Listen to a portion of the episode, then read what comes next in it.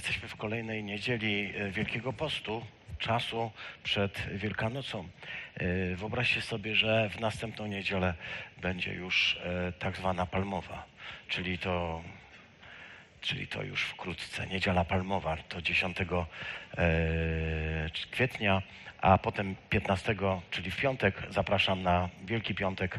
Tutaj jak zwykle e, myślę coś pięknego i estetycznego, ale też głębokiego i duchowego, co będziemy mogli przeżyć. Mam nadzieję, bo to nie jest takie proste zaskoczyć e, zgromadzenie po 30 latach czy kilku, 30 kilku latach organizowania Wielkich Piątków. A już później, e, 17 e, kwietnia mamy e, niedzielę e, Wielkiej Nocy o 7 rano nabożeństwo rezurekcyjne, a w poniedziałek jak zwykle taki czas agap na godzinę 17, 18 kwietnia i ten czas świąt już przed nami.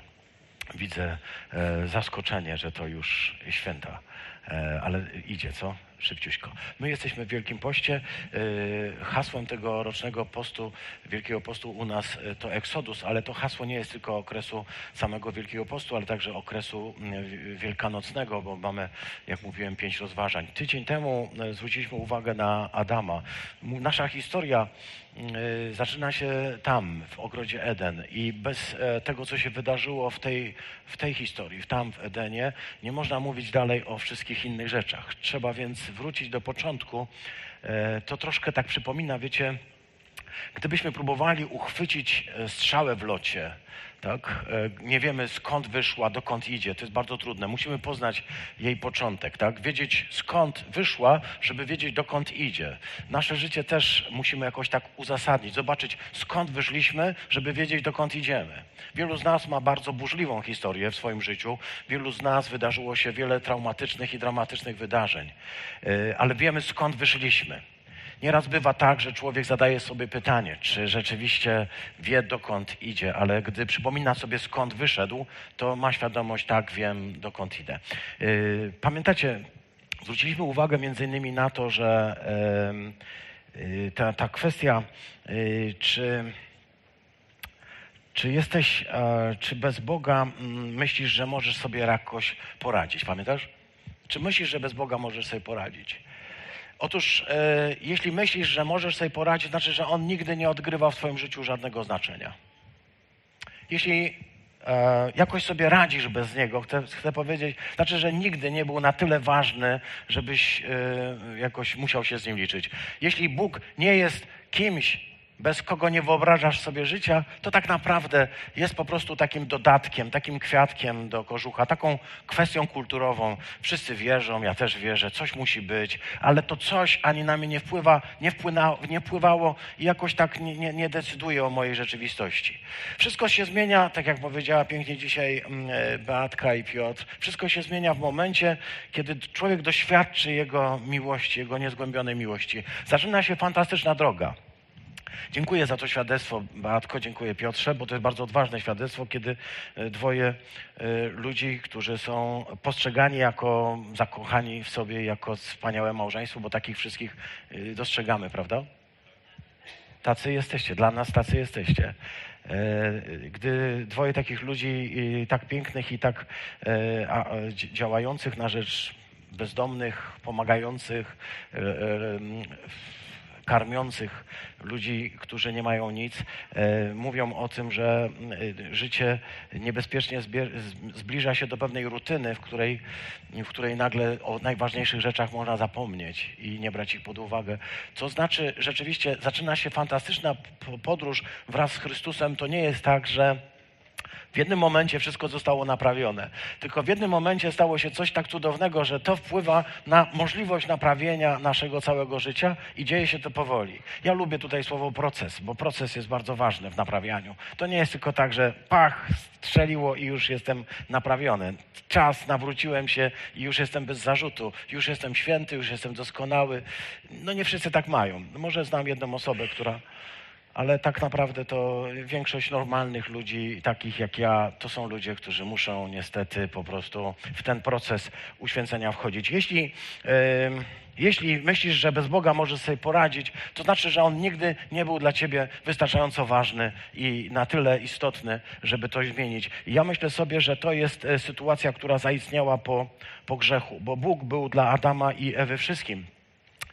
Ale w momencie, kiedy y, przyjęli antykatechezę diabła, kiedy usłyszeli takie wezwanie, że słuchajcie, Bóg was chce oszukać, On was okłamuje, nie wierzcie Mu, i oni przyjęli to do serca, stracili zaufanie, to stało się coś dramatycznego. Stracili miejsce w raju, musieli dokonać eksodusu, wyszli z raju.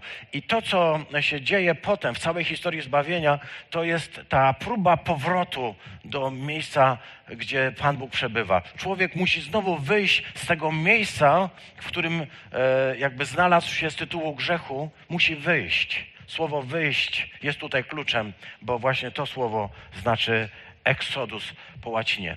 Chciałbym z Wami przeczytać fragment pochodzący z rozdziału drugiego, wiersze 11-15.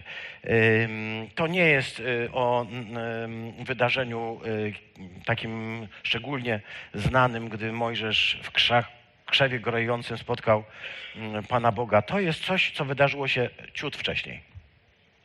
Ciut, czyli jakieś 40 lat. Po pewnym czasie, gdy Mojżesz dorósł, poszedł odwiedzić swoich braci i zobaczył ich ciężką pracę. Ujrzał też, jak pewien Egipcjanin bije jakiegoś Hebrajczyka, jednego spośród braci. Rozejrzał się na wszystkie strony, a gdy zobaczył, że nie było tam nikogo, zabił Egipcjanina i zagrzebał go w piachu.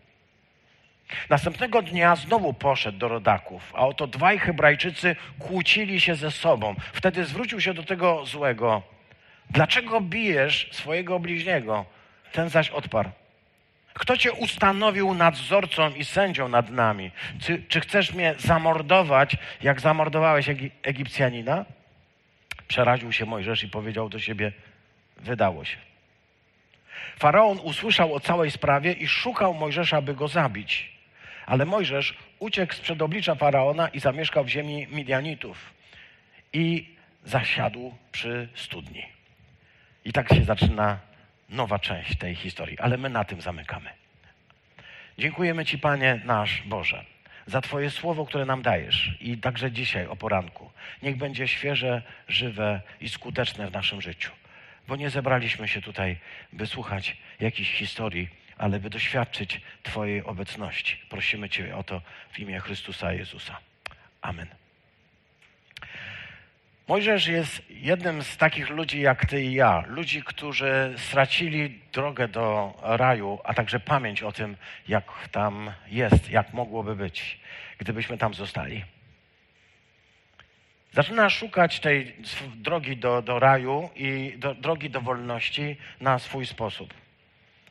E, chciałbym, żebyśmy zwrócili uwagę na to słowo, które jest tutaj kluczem, czyli na to, że mm, Mojżesz wyszedł. W języku hebrajskim e, to słowo jatsa, nieważne jak się pisze, nie chcę teraz Y, wam tutaj głowy zawracać, ale y, chcę zwrócić uwagę, że to słowo jest użyte w Starym Testamencie ponad 90 razy i zawsze na określenie tego, że Bóg wyprowadził swój lud lub Bóg szedł ze swoim ludem. Na przykład w Psalmie 60 ósmym wierszu siódmym Bóg wyszedł z Egiptu i wyprowadził z Egiptu cały ten lud, który tam w Egipcie w niewoli się znajdował. I tam jest użyte słowo jatsa. To słowo w tłumaczeniu greckim będzie y, taką formą grecką exodos, to w Septuagincie, a zlatynizowana wersja to exodus, czyli wyjście po naszemu.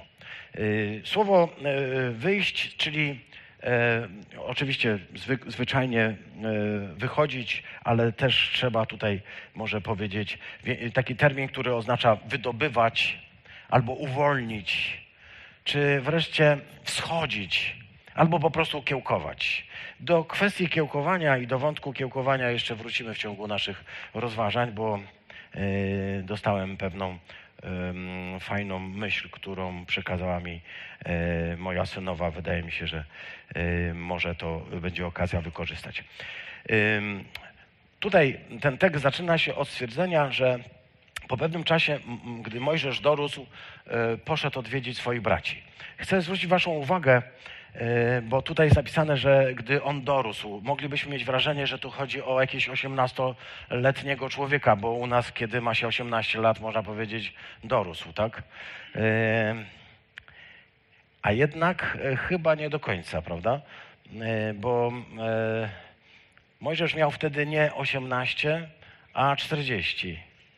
I tutaj już możemy powiedzieć, że e, dorosłość jest rzeczywiście kwestią e, względną. Tak? Dla nas dzisiaj, 18-letni, e, ja mówię dla nas dzisiaj, dla ludzi mojego pokolenia, 18-letni człowiek to jest rzeczywiście człowiek, który jest pełnoletni.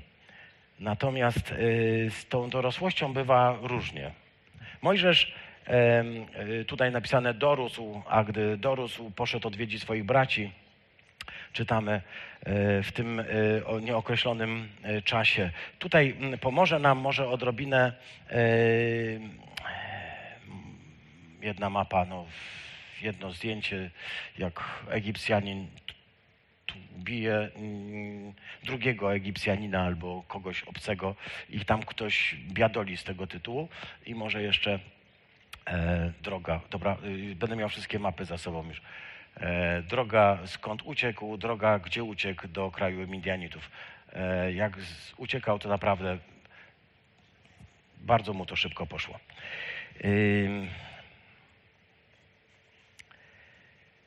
Czytamy y, ten tekst, ale mamy do dyspozycji jeszcze jeden tekst, który na ten temat mówi. Mianowicie w dziejach apostolskich Szczepan w mowie, którą wygłosił w, na okoliczność y, obrony, y, opowiedział tę historię podobnie, choć zwróćcie uwagę, są tam pewne szczegóły bardzo ciekawe, wskazujące na istnienie pewnej tradycji, która się rozwijała.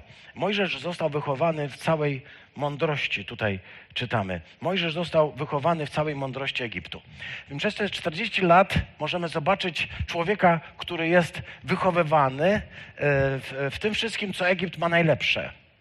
A Egipt w czasach, o których tutaj czytamy, czyli jakieś y, półtora tysiąca lat przed Chrystusem, czyli jakieś trzy i pół tysiąca lat temu, był centrum świata, jeśli chodzi o kulturę, cywilizację. To jest naprawdę miejsce, gdzie y, rozwija się to mm, przeświadczenie. Zresztą sami Egipcjanie mają o sobie takie przekonanie, że są prawdziwymi ludźmi. Wszyscy pozostali nie Egipcjanie nie do końca są ludźmi. Z nimi nie należy się specjalnie zadawać i to będzie też bardzo ważny wątek wątek. Mojżesz wychował się, a więc nie tylko e, w takim miejscu, które było uważane za centrum świata, i za taki główny, główny obszar kultury w tamtych czasach, ale wychował się na dodatek w domu faraona, a więc w samym centrum, centrum tego świata.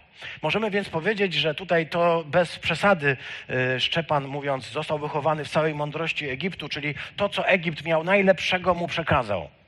I tutaj pytanie jest takie, czy to ma jakieś znaczenie. Myślę sobie tak, bo ja po pierwsze chcę oczywiście podkreślić, że yy, tak jak Mojżesz, tak jak i wielu innych, tak jak nasz Pan Jezus Chrystus, czytamy o Jezusie Chrystusie takie zdanie, że wzrastał w mądrości, pamiętacie? U Boga i u ludzi. Wzrastał też w łasce u Boga i u ludzi. My nieraz y, postrzegamy pewne rzeczy na, na zasadzie y, skrajności, tak? Chcemy mądrości od Boga, chcemy łaski od Boga, chcemy tej życzliwości. Widzimy to troszkę na zasadzie y, pewnego kontrastu. Ja chcę powiedzieć, że wygląda na to, że tutaj nie ma żadnego kontrastu. Tu jest raczej potrzebna harmonia.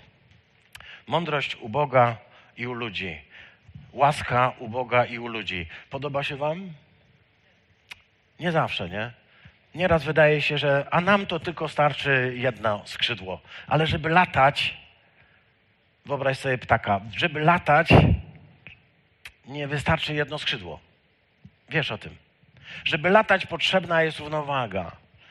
Chrześcijanin potrzebuje równowagi, potrzebuje jednego i drugiego. I wiem, że to może nie być specjalnie zawsze y, dobrze odbierane, ale ja chcę powiedzieć, tak, potrzebujemy y, tej mądrości, którą możemy zobaczyć i w wypadku Mojżesza, bo kiedy czytamy księgi mojżeszowe, kiedy czytamy tę tradycję mojżeszową, kiedy rozpoznajemy działanie Mojżesza, to możemy zobaczyć, że on rzeczywiście miał wiele mądrych rzeczy do powiedzenia, wiele rzeczy, które zapożyczył z tych kultur, bo to jest naturalne.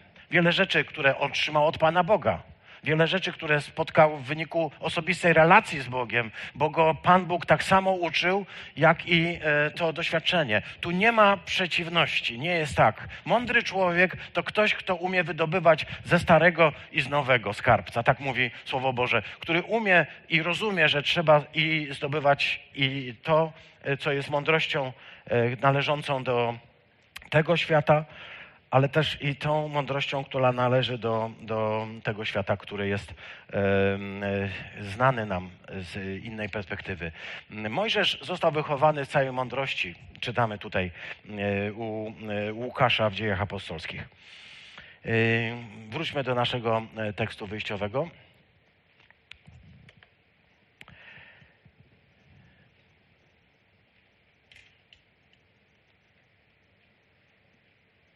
Gdy Dorus poszedł odwiedzić swoich braci, miał 40 lat. E, zobaczymy, że miał prześwietną intuicję.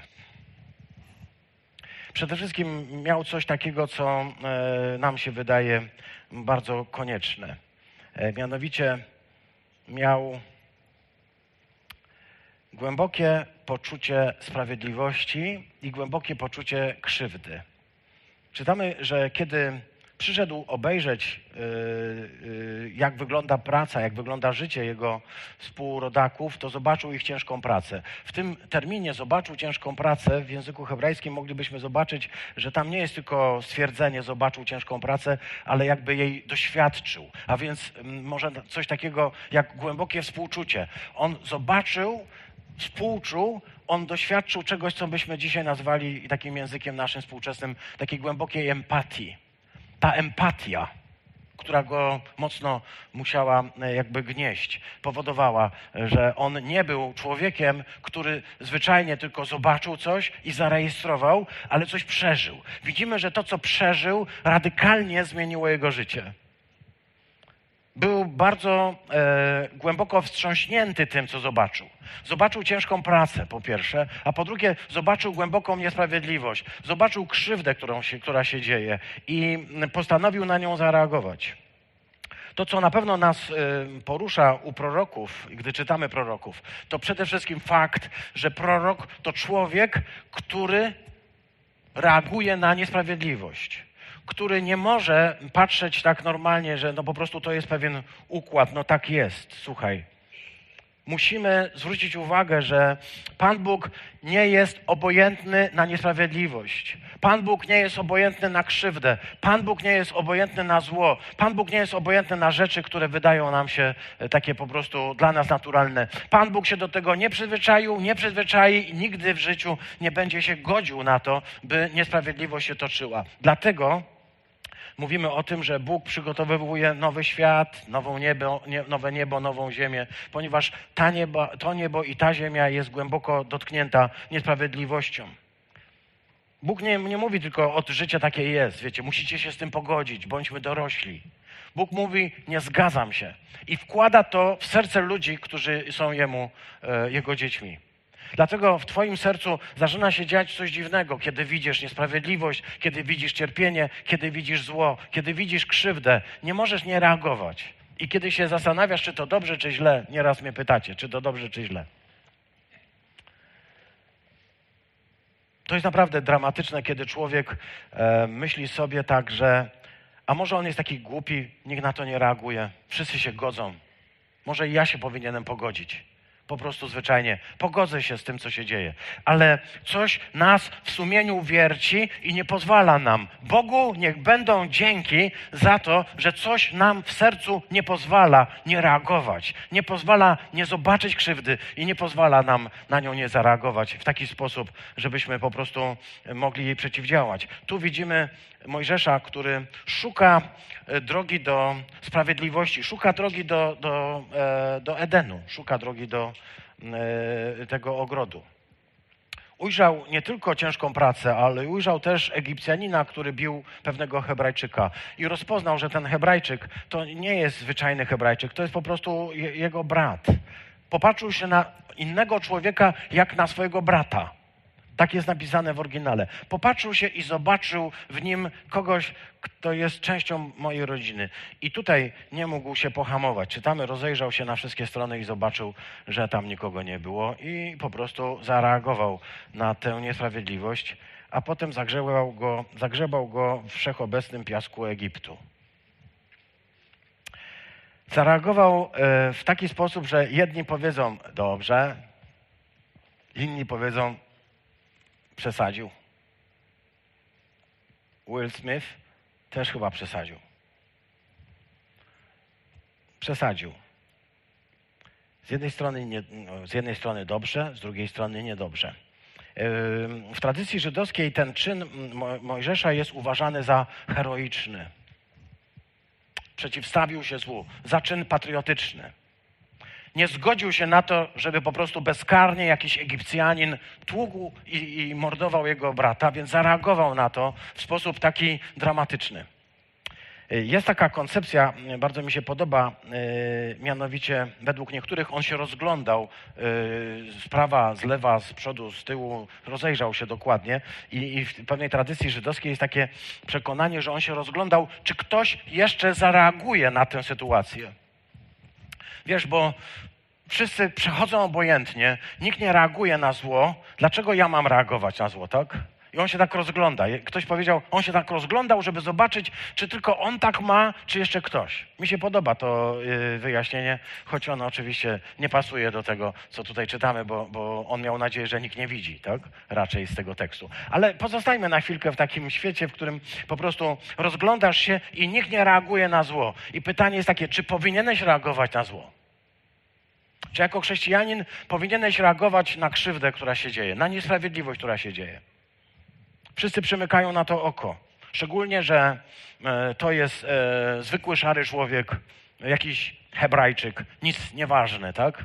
A tam jest Egipcjanin, który już ma jakąś pozycję z tego samego faktu. Pewnie jest jakimś nadzorcą, który go po prostu traktuje w taki sposób, jak, jak to możemy widzieć.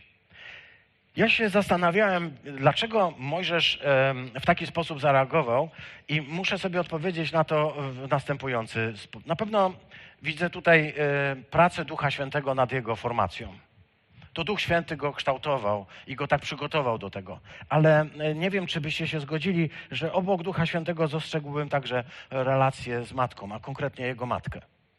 Wiemy, że sytuacja była następująca. Mojżesz, żeby, uratował, e, żeby uratować mu życie, został oddany w sposób dramatyczny, tak? Został oddany do, na wychowanie córce faraona.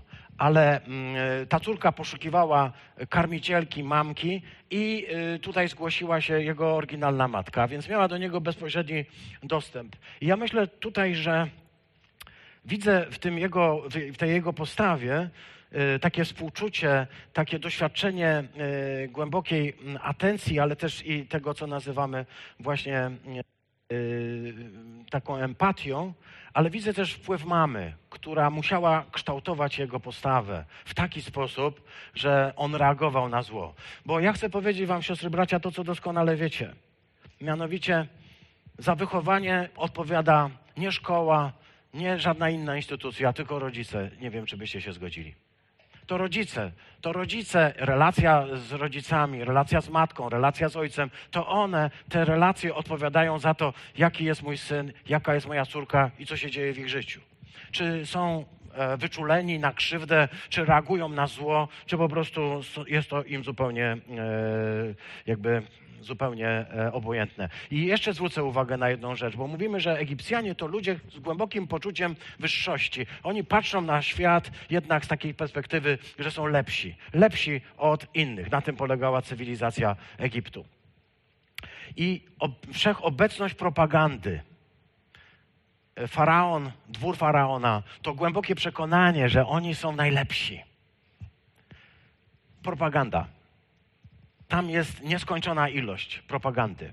Wśród tej propagandy ja bym chciał zwrócić Waszą uwagę, na pewno pamiętacie, nie, nie, nie przywołuję tego tekstu specjalnie, żeby nie rozwijać, ale pamiętacie taką scenę, kiedy e, przodek, przodek Mojżesza, e, Józef, patriarcha, miał taką historię, że e, trafił do, na dwór faraona, został wyniesiony na poziom wezyra, stał się drugim po faraonie i do niego przyszli ci jego bracia, którzy go nie rozpoznali i jest napisane, że oni z nimi nie jedli, bo dla Egipcjan Rosjanina jeść z tymi e, innymi, z tymi Azjatami, z tymi Hebrajczykami byłoby obrzydliwe. Tam jest napisane dosłownie, byłoby obrzydliwe. Nie jedli z nimi, bo dla nich po prostu to jest obrzydliwe.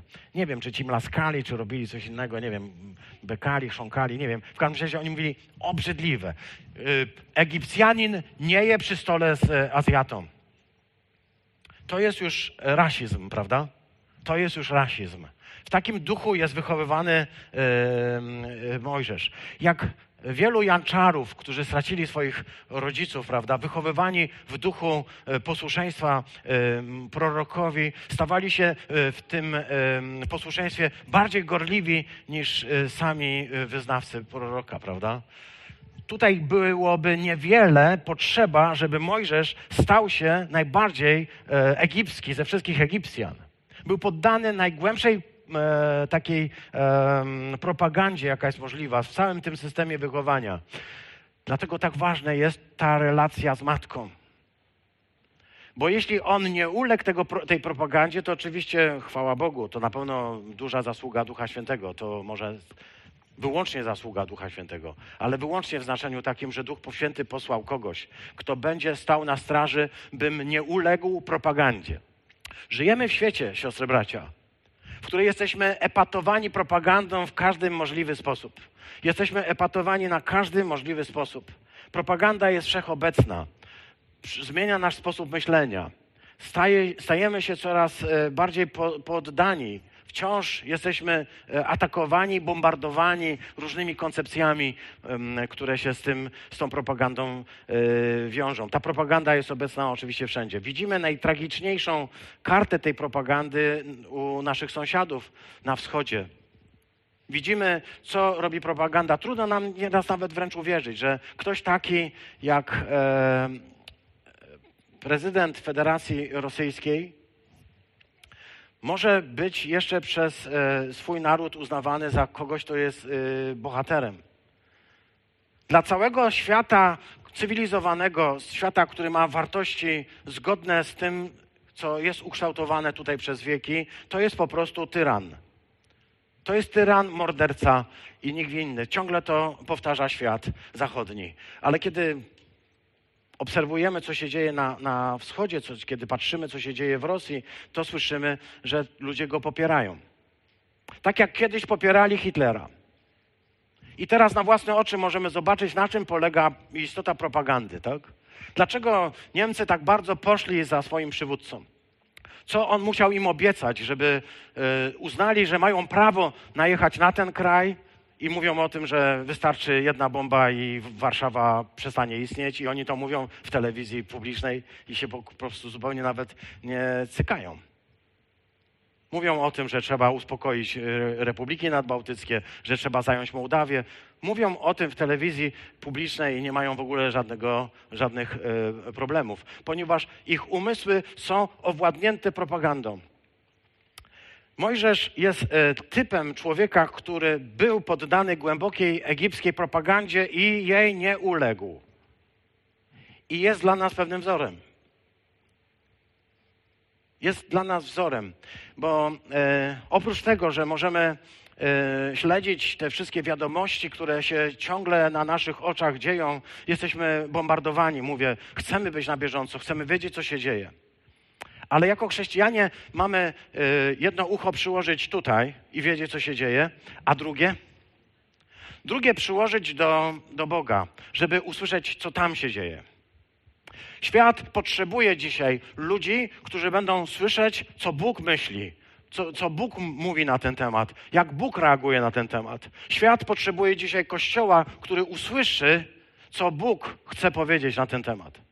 To jest y, chyba dość ważne, żebyśmy jako Kościół nie byli tylko wsłuchani w te wiadomości, które do nas docierają przez te wszystkie e, e, środki masowego przekazu, internety i inne rzeczy, ale jako chrześcijanie my mamy coś naprawdę ważnego do zrobienia. My mamy usłyszeć i przekazać, jak Bóg na to wszystko patrzy. Jeśli będziemy słyszeć tylko jedną stronę, to będziemy ulegać owej propagandzie. Zgodziliśmy się z tym, to jest bardzo niebezpieczne. Musimy usłyszeć, co Bóg mówi na ten temat. Mojżesz, czyli człowiek, który kochał sprawiedliwość. Człowiek, który nienawidził ucisku, nienawidził ucisku, nienawidził traktowania kogoś e, w taki sposób, żeby, e, żeby ktoś korzystał ze swoich praw silnego i to po prostu wykazywał. Czuł potrzeby tych wszystkich, którzy cierpieli. Mimo, że wychowany był w środowisku, które głęboko jakby to powiedzieć, y, nie przejmowało się losem biednych. Faraon to nie był człowiek, który był empatyczny. Żeby być faraonem nie trzeba było empatii, empatii tak? Żeby być faraonem trzeba było po prostu być silnym człowiekiem. Może także lekceważyć ubogich. Może po prostu nie liczyć się z cierpiącymi. I tutaj docieramy do istoty tego, co czytamy. Ponieważ Boży przywódca jest dokładnie taki jak Mojżesz. Boży przywódca to człowiek, który jest um, wykształcony, jest, e, ma dostęp do wiedzy i do praktyki, tak byśmy powiedzieli, ale to, jakby to powiedzieć, tylko mała część. Dobry przywódca, ten, którego Bóg oczekuje, to człowiek współczujący. Żeby być w chrześcijaństwie przywódcą, trzeba najpierw być człowiekiem, który umie współczuć człowiekowi znajdującemu się w potrzebie. Nie wystarcza, siostry, bracia, żadna wiedza seminaryjna, nie wystarcza żadna wiedza teologiczna, nie wystarczą żadne tytuły. Żeby być człowiekiem, który przewodzi w takim duchu Bożym i w, takim, w takiej Bożej wizji, trzeba przede wszystkim być człowiekiem, który współczuje tym, którzy niosą ciężkie, wielkie ciężary. On współczuł tym, którzy nieśli wielkie ciężary. Wierzę, że dzisiaj Kościół potrzebuje takich ludzi, takich mężczyzn i takie kobiety, którzy będą poruszeni, które będą poruszone krzywdą, niesprawiedliwością. Bóg poszukuje dzisiaj takich przywódców.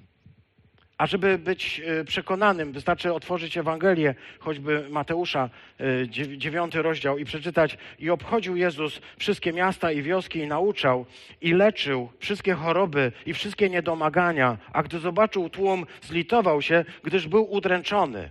Ten tłum. To jest jego serce. Serce wszechmogącego Boga. Jezus Chrystus.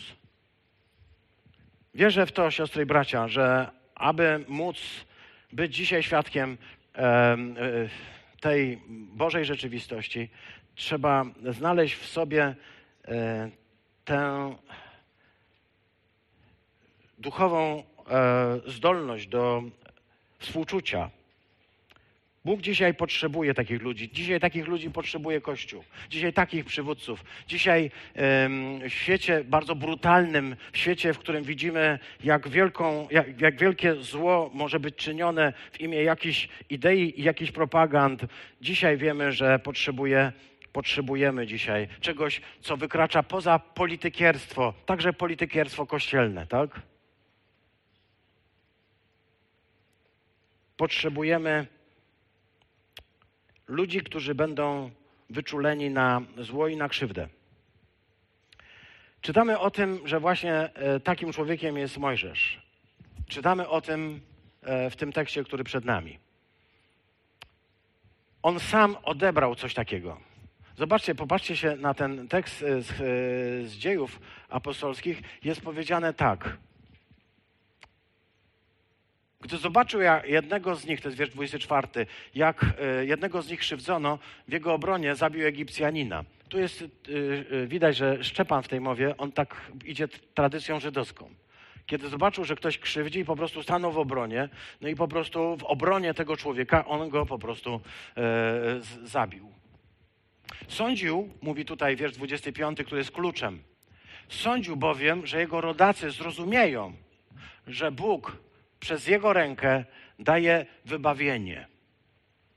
Zobacz, y, popatrz na ten wiersz. Tutaj y, Szczepan y, w tej tradycji żydowskiej, bo tego, te, tego wątku nie ma w oryginale naszym w Księdze Wyjścia, jest właśnie tutaj. Tutaj rodzi się powołanie Mojżesza. On zobaczył krzywdę i on stwierdził, że on się nie godzi na, na taki świat. On się nie godzi na świat, w którym jest taka przemoc wobec jego rodaków on stanie przeciwko tej przemocy i on rozpocznie batalię przeciwko niej. Tu jest powiedziane, bo e, gdy to zobaczył, e, był pewien, że Bóg przez jego rękę daje im e, wybawienie. On był pewien, że jest w stanie wyprowadzić Boży lud z tego stanu, w którym się znalazł, bo e, odczuł powołanie. I to jest, e, widzisz to? Widzisz ten moment? To jest bardzo ważne on odkrył, że Bóg włożył mu powołanie, by wyprowadzić, by uwolnić, by wrócić do e, ziemi obiecanej, do jego Edenu, by wrócić do miejsca, gdzie będzie mógł stanąć przed obliczem Boga. Był przekonany, był pewien, że Bóg go do tego przeznaczył. I chcę was zapytać, siostry bracia, czy rzeczywiście Bóg go do tego przeznaczył? Czy Bóg przeznaczył Mojżesza do tego, żeby wyprowadził Izraela z Egiptu, z niewoli i wprowadził do ziemi obiecanej? Czy Bóg go do tego przeznaczył? Tak. Wy się zgadzacie, Mojżesz się zgadza. Wszystko się zgadza. Ale nie ten sposób. Nie ten sposób, nie ten czas. Pewne rzeczy robimy po swojemu. Moglibyśmy przywołać bardzo wiele fajnych przykładów. Abraham stwierdził w pewnym momencie, że zgadza się, że Pan Bóg zrobi z niego wielki naród. Ale Pan Bóg jakoś tak nie wykazywał mocy do uczynienia tego, więc Abraham mu trochę pomógł. I wiemy, że kiedy mu trochę pomógł, to strasznie zaszkodził, tak? Bo to, co się stało, wywołało zupełną katastrofę, tak? Kiedy człowiek zaczyna mówić Panu Bogu, co on może zrobić, co ma zrobić, albo kiedy zastępuje Pana Boga, wbrew pozorom, to nie jest błaha sprawa. To, co zrobił Abraham, okazało się dramatem dla następnych pokoleń. To, co zrobił Mojżesz, okazało się dla, dramatem i dla niego. Stanął w tej służbie pojednania bez autorytetu, bez y, tego, żeby y, mogli powiedzieć tak, y, ty jesteś kimś, kogo możemy posłuchać. Odstanął człowiek i powiedział, nie wolno się bić, panowie bracia. Powiedzieli mu, a co, a co nam do tego? Kto ty, kto ty jesteś, żeby nam zwracać uwagę? Ponieważ do tego potrzeba pewnego autorytetu, tak? Bo do pewnych rzeczy trzeba dorosnąć. Ale człowiekowi, który właśnie przyjął powołanie, wydaje się nieraz, że on już jest przygotowany. Na tym polega problem. Chcę powiedzieć, miał bowiem dopiero 40 lat. Nie brzmi to dobrze. Dzieciaki, ale szybko zleci. Ty masz już połowę MK dzisiaj. Wszystkiego najlepszego z okazji Twoich urodzin. Dzisiaj są Twoje 20 urodziny. Masz więc połowę tego, co miał Mojżesz. Czyli powolutku. Chcę powiedzieć Wam, siostry, bracia, że to jest bardzo ważne. Odebrać powołanie to jest jedno, bardzo ważne. Odebrać powołanie na skutek tego, że Bóg mnie przygotowywał, przygotowywał. Ale kiedy już to powołanie odebrałem, to trzeba wiedzieć, że teraz się zaczyna dopiero proces nauki, a nie w tym momencie ja już biorę sprawy w swoje ręce i zaczynam robić to, co mi się wydaje najważniejszego. Tutaj e, Mojżesz okazał się człowiekiem, który wymyślił sobie swój własny pomysł na Eksodus. I ta historia jest właśnie o jego własnym pomyśle na Eksodus. To jest jego własna kombinacja. Jak zrobić, żeby wyzwolić ludzi? Myślał sobie tak, wyjdę i jak przyjdzie jakiś Egipcjanin, znowu go zabiję. I tak w skrytości zabiję jakieś dwa miliony Egipcjan i w ten sposób wyzwolę swój lud. Wiem, że on tak nie myślał, ale chcę powiedzieć, to jest jakaś koncepcja. Wymordować. Tak, to jest po naszemu brutalny sposób realizowania. Zobacz, że Bóg zupełnie odwrotnie działa że jemu nie zależy na tym, żeby taką metodą brutalności. Gdy patrzymy na krzyż, chcemy powiedzieć, to jest właśnie antybrutalność, to jest kontrkultura. Egipt, Rosja i inne kraje, które widzą świat e, u swoich stóp, gdy może grozić atomem. I Bóg, który widzi świat zupełnie inaczej i jego sposób przy zmiany sytuacji. Po której stronie jest Twoje serce? Mojżesz myślał, że już jest przygotowany do tego, żeby przejąć kontrolę i żeby wejść w, służbę. Chcę Ci powiedzieć, że e, to jest pewien problem. Spotykam bardzo wielu ludzi, młodych, zdolnych, ludzi dopiero nawróconych, którym się wydaje, że oni są już zdolni do realizowania Bożego powołania. I to jest fantastyczne, że mają to powołanie. Ale chcę powiedzieć, i to tak e, z głębokim poczuciem e, pokory wobec wszystkich, e, także ich, że może potrzeba jeszcze trochę czasu i przygotowania. Do 40 roku życia albo w 40 roku życia Mojżesz uświadomił sobie, że może zmienić cały świat. Że jest silny, zdolny i władny do tego, żeby pokonać i wyprowadzić, dokonać eksodusu. A potem przez następne 40 lat powolutku chyba tracił e, rezon. Kiedy czytalibyśmy czwarty rozdział Księgi Wyjścia, to przeczytalibyśmy taką bardzo dziwną historię. Uchodzi za najtrudniejszą ze wszystkich historii biblijnych, mianowicie o tym, jak pewnego dnia, już po wszystkich objawieniach, kiedy Mojżesz miał iść już wyprowadzić e, lud według Bożego standardu, a nie własnego, e, czytamy, że napadł na niego anioł pański i postanowił go zgładzić. Ta historia jest niesamowita. Nie będę jej przestaczał, ale zwrócę tylko wasze, Waszą uwagę na jedną rzecz. Mianowicie na to, że jego żona, e, a propos żon dzisiaj, jego żona uratowała go, dokonując czegoś, czego kobieta nie powinna dokonać w tradycji żydowskiej, mianowicie obrzezała jego syna. Obrzezała jego syna. To znaczy, że jego syn nie był obrzezany. Tu postrzegam Mojżesza, który ma wielki potencjał, jest człowiekiem, który wyobraża sobie, jak może uratować świat, ale jest jeszcze problem. Nie jest do tego gotowy. A kiedy Pan Bóg w pewnym momencie yy, nie reaguje, tak? Bo to w tym siódmym rozdziale jest powiedziane takie zdanie, bardzo mi się podoba. Sądził, że jego rodacy zrozumieją, że Bóg przez jego rękę daje im wybawienie, ale oni nie zrozumieli, to jest dodane. Ale oni nie zrozumieli. Ja chcę powiedzieć, oni to oni, ale Bóg nie zrozumiał. Bóg nie zrozumiał. Bóg nie zrozumiał, że oto tu Mojżesz jest gotowy na to, żeby przy pomocy przemocy, przy pomocy y, takich brutalnych metod wyprowadzić naród żydowski, ale Bóg nie zrozumiał. W tym sensie Bóg nie rozumie przemocy. Taka jest y, y, także nasza wizja tego, co rozczytujemy w, w Słowie Bożym. I tutaj e, dlatego ten tekst e, mocno podkreśla, oni nie zrozumieli. Co się dzieje, gdy ludzie cię nie rozumieją, albo co się dzieje, gdy Pan Bóg cię nie rozumie? Co się dzieje z tobą, gdy Bóg cię nie rozumie? Co się dzieje, gdy ludzie cię nie rozumieją? Ludzie, dla których byłeś gotowy poświęcić swoje życie. Ludzie, dla których byłeś gotowy zamordować, żeby tylko ich uratować. Ludzie, dla których byłeś gotowy poświęcić wszystko, co masz. Co się dzieje wtedy, gdy oni cię nie rozumieją? Chyba tylko jedno, tak? Popadasz w coraz głębsze frustracje. Oddałeś im wszystko, oni nie rozumieją. Co się z tobą dzieje? Mojżesz nie obrzezał swojego syna. Myślisz, że to był przypadek? Nie. On stwierdził, że Bóg go zawiódł. Zaczął patrzeć się na te wszystkie sprawy jako na coś, co po prostu zupełnie się e, jakby nie sprawdziło. E, gdyby go ktoś zapytał, gdy miał 79 lat, Mojżesz, pamiętasz, jak poszedłeś wtedy i próbowałeś ratować e, e, swój lud? Pamiętasz, jak widziałeś to nieszczęście i jak reagowałeś? Powiedziałby, głupi byłem. Młody i głupi. Miałem wtedy gorliwość, miałem zapał, ale wiesz co, tobie też minie.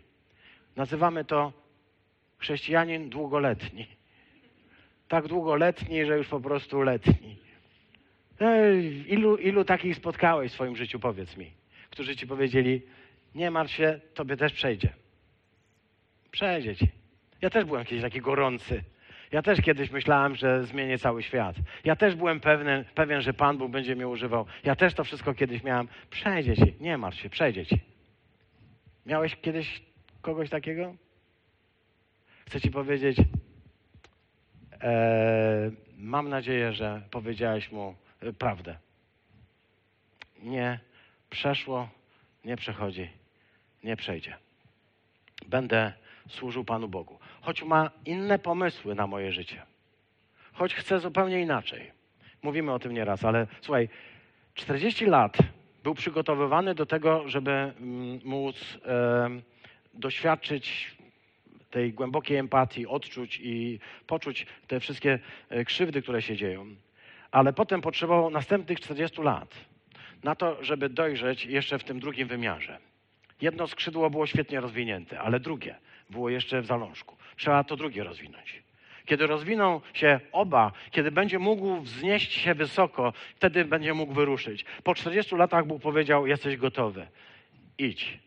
I on mógł wtedy powiedzieć wszystko. Panie, teraz to ja nie jestem gotowy. Ja się jąkam, ja nie umiem mówić. Pamiętasz te wszystkie historie tego wszystkiego, ponieważ był człowiekiem, który chciał powiedzieć Panu Bogu, wiesz co, był taki czas, że chciałem Ci służyć. Był taki czas, że byłem przekonany, że jestem na właściwym miejscu. Był taki czas, kiedy odebrałem powołanie, ale teraz, Panie Boże, to już trochę za późno, co? Znajdź sobie kogoś innego. Ja mam 80 lat. Jestem już za stary. Bez względu na to, jak wygląda Twoje życie i jak wyglądały Twoje zawody, jeśli chodzi o Pana Boga, ile razy miałeś przekonanie, że Bóg nie reaguje tak, jak powinien, nie reaguje w swoim życiu tak, jak byś chciał, albo tak, jak uważa, że najlepiej, najlepiej by było, chcę Ci powiedzieć, Bóg przez cały czas nie traci wiary. I powie Mojżeszowi: Mojżeszu, idź, wyprowadź mój lud to powołanie, które Ci włożyłem w serce, ono się teraz zacznie dziać. Musiałeś się do tego przygotować. Chcemy po powiedzieć tak, patrzysz na Abrahama, patrzysz na Mojżesza, możemy patrzeć na Chrystusa, możemy patrzeć na innych wielkich ludzi. Oni wszyscy dojrzewali. Oni wszyscy powolutku i w pokorze rozumieli, że żeby realizować wielkie Boże polecenia, wielkie Boże zamierzenia, wielkie powołanie, które Bóg wkłada, nie wystarczy tylko nabrać pewnej mądrości, nie wystarczy skończyć seminarium, nie wystarczy stać się człowiekiem e, na miarę mądrości całego Egiptu. Potrzeba jeszcze czegoś, co będzie mógł ukształtować nas święty duch. Jeśli więc masz w sercu swoim powołanie, to go nie zgub. To, go, to nie rezygnuj z niego. Jeśli myślisz sobie tak, ale Pan Bóg nie reaguje tak, jak ja bym chciał, to powiedz mu, jego drogi są lepsze. Dzisiaj śpiewaliśmy. Jego drogi są lepsze od moich. On wie najlepiej, kiedy, jak i co. I przychodzi czas, kiedy nad Amorytami zostaje wydany wyrok. I Bóg mówi: Teraz można ruszyć. Jeśli wyruszysz szybciej, będziesz działał na własną rękę. Jeśli będziesz działał na własną rękę, to ludzie nie oddadzą mi chwały. To ludzie powiedzą, Mojżesz był taki fajny kozak. Ale nic mu się nie udało. Kiedy e, czytam ten tekst, siostry bracia, widzę człowieka, który jest gorliwy, który ma powołanie, który jest e, wyjątkowy w swojej historii, ale jednocześnie widzę człowieka, który jest e, wyczulony na krzywdę, widzę człowieka, który jest głęboko empatyczny, widzę człowieka, który jest dobrze wychowany. Widzę człowieka, który nie chce patrzeć na wszystko tak, jak, jak wszyscy i mówią, nic nie da się z tym zrobić. Widzę człowieka, który chce coś zmienić i ty takim człowiekiem byłeś i takim człowiekiem pozostań. Bardzo cię proszę. Człowiekiem, który wierzy, że to można zmienić. Człowiekiem, który się nie zgadza na to, żeby było tak, jak jest. Człowiekiem, który musi powiedzieć: Tak, Panie Boże, jestem gotowy. Tak widzę Mojżesza, ale widzę go też jako człowieka jeszcze nieprzygotowanego w tym momencie. Jako człowieka, który chce wyprowadzić, chce wyjść z Egiptu, ale według swoich własnych sposobów. I wiem, że to jest wielkie niebezpieczeństwo i wielki problem dla nas wszystkich. Chcemy wyjść z Egiptu, chcemy wyprowadzić ludzi z Egiptu, ale na własnych warunkach, własnym sposobem. I tego się nie da. I Bóg mówi: Nie, to nie Twoja ręka ich wyprowadzi. Tutaj jest napisane, że Bóg przez Jego rękę daje im wybawienie. Nie. Bóg nie da wybawienia przez rękę Mojżesza. To Bóg wyprowadzi, Jego ramię i Jego ręka wyprowadzi ten lud. Tylko wtedy może to się naprawdę stać to Boża ręka, Boże ramię, Boża moc, to one spowodują, że Izrael, ludzie, niewol, niewolnicy, zwyczajni zbiegowie staną się narodem. Staną się jednym z najciekawszych, najpiękniejszych, najbardziej zaskakujących. Ale to się stanie, ponieważ to Boża ręka uczyni. Jeśli masz więc w sercu poczucie, że Bóg cię powołuje, to chcę ci powiedzieć, nie gub tego. I nie mów tam, Panu Bogu do widzenia, bo nie przyznał się do tego, co robiłeś. Poczekaj. Bądź gotowy uczyć się. Chcę się was zapytać, siostry bracia. Jesteście gotowi uczyć się, czekać, cierpliwie, znosić różne trudności, aż Bóg zapali zielone światło i powie idź. Jeśli pójdziesz na czerwonym, zdarzą się kolizje. Poczekaj na zielone. Amen.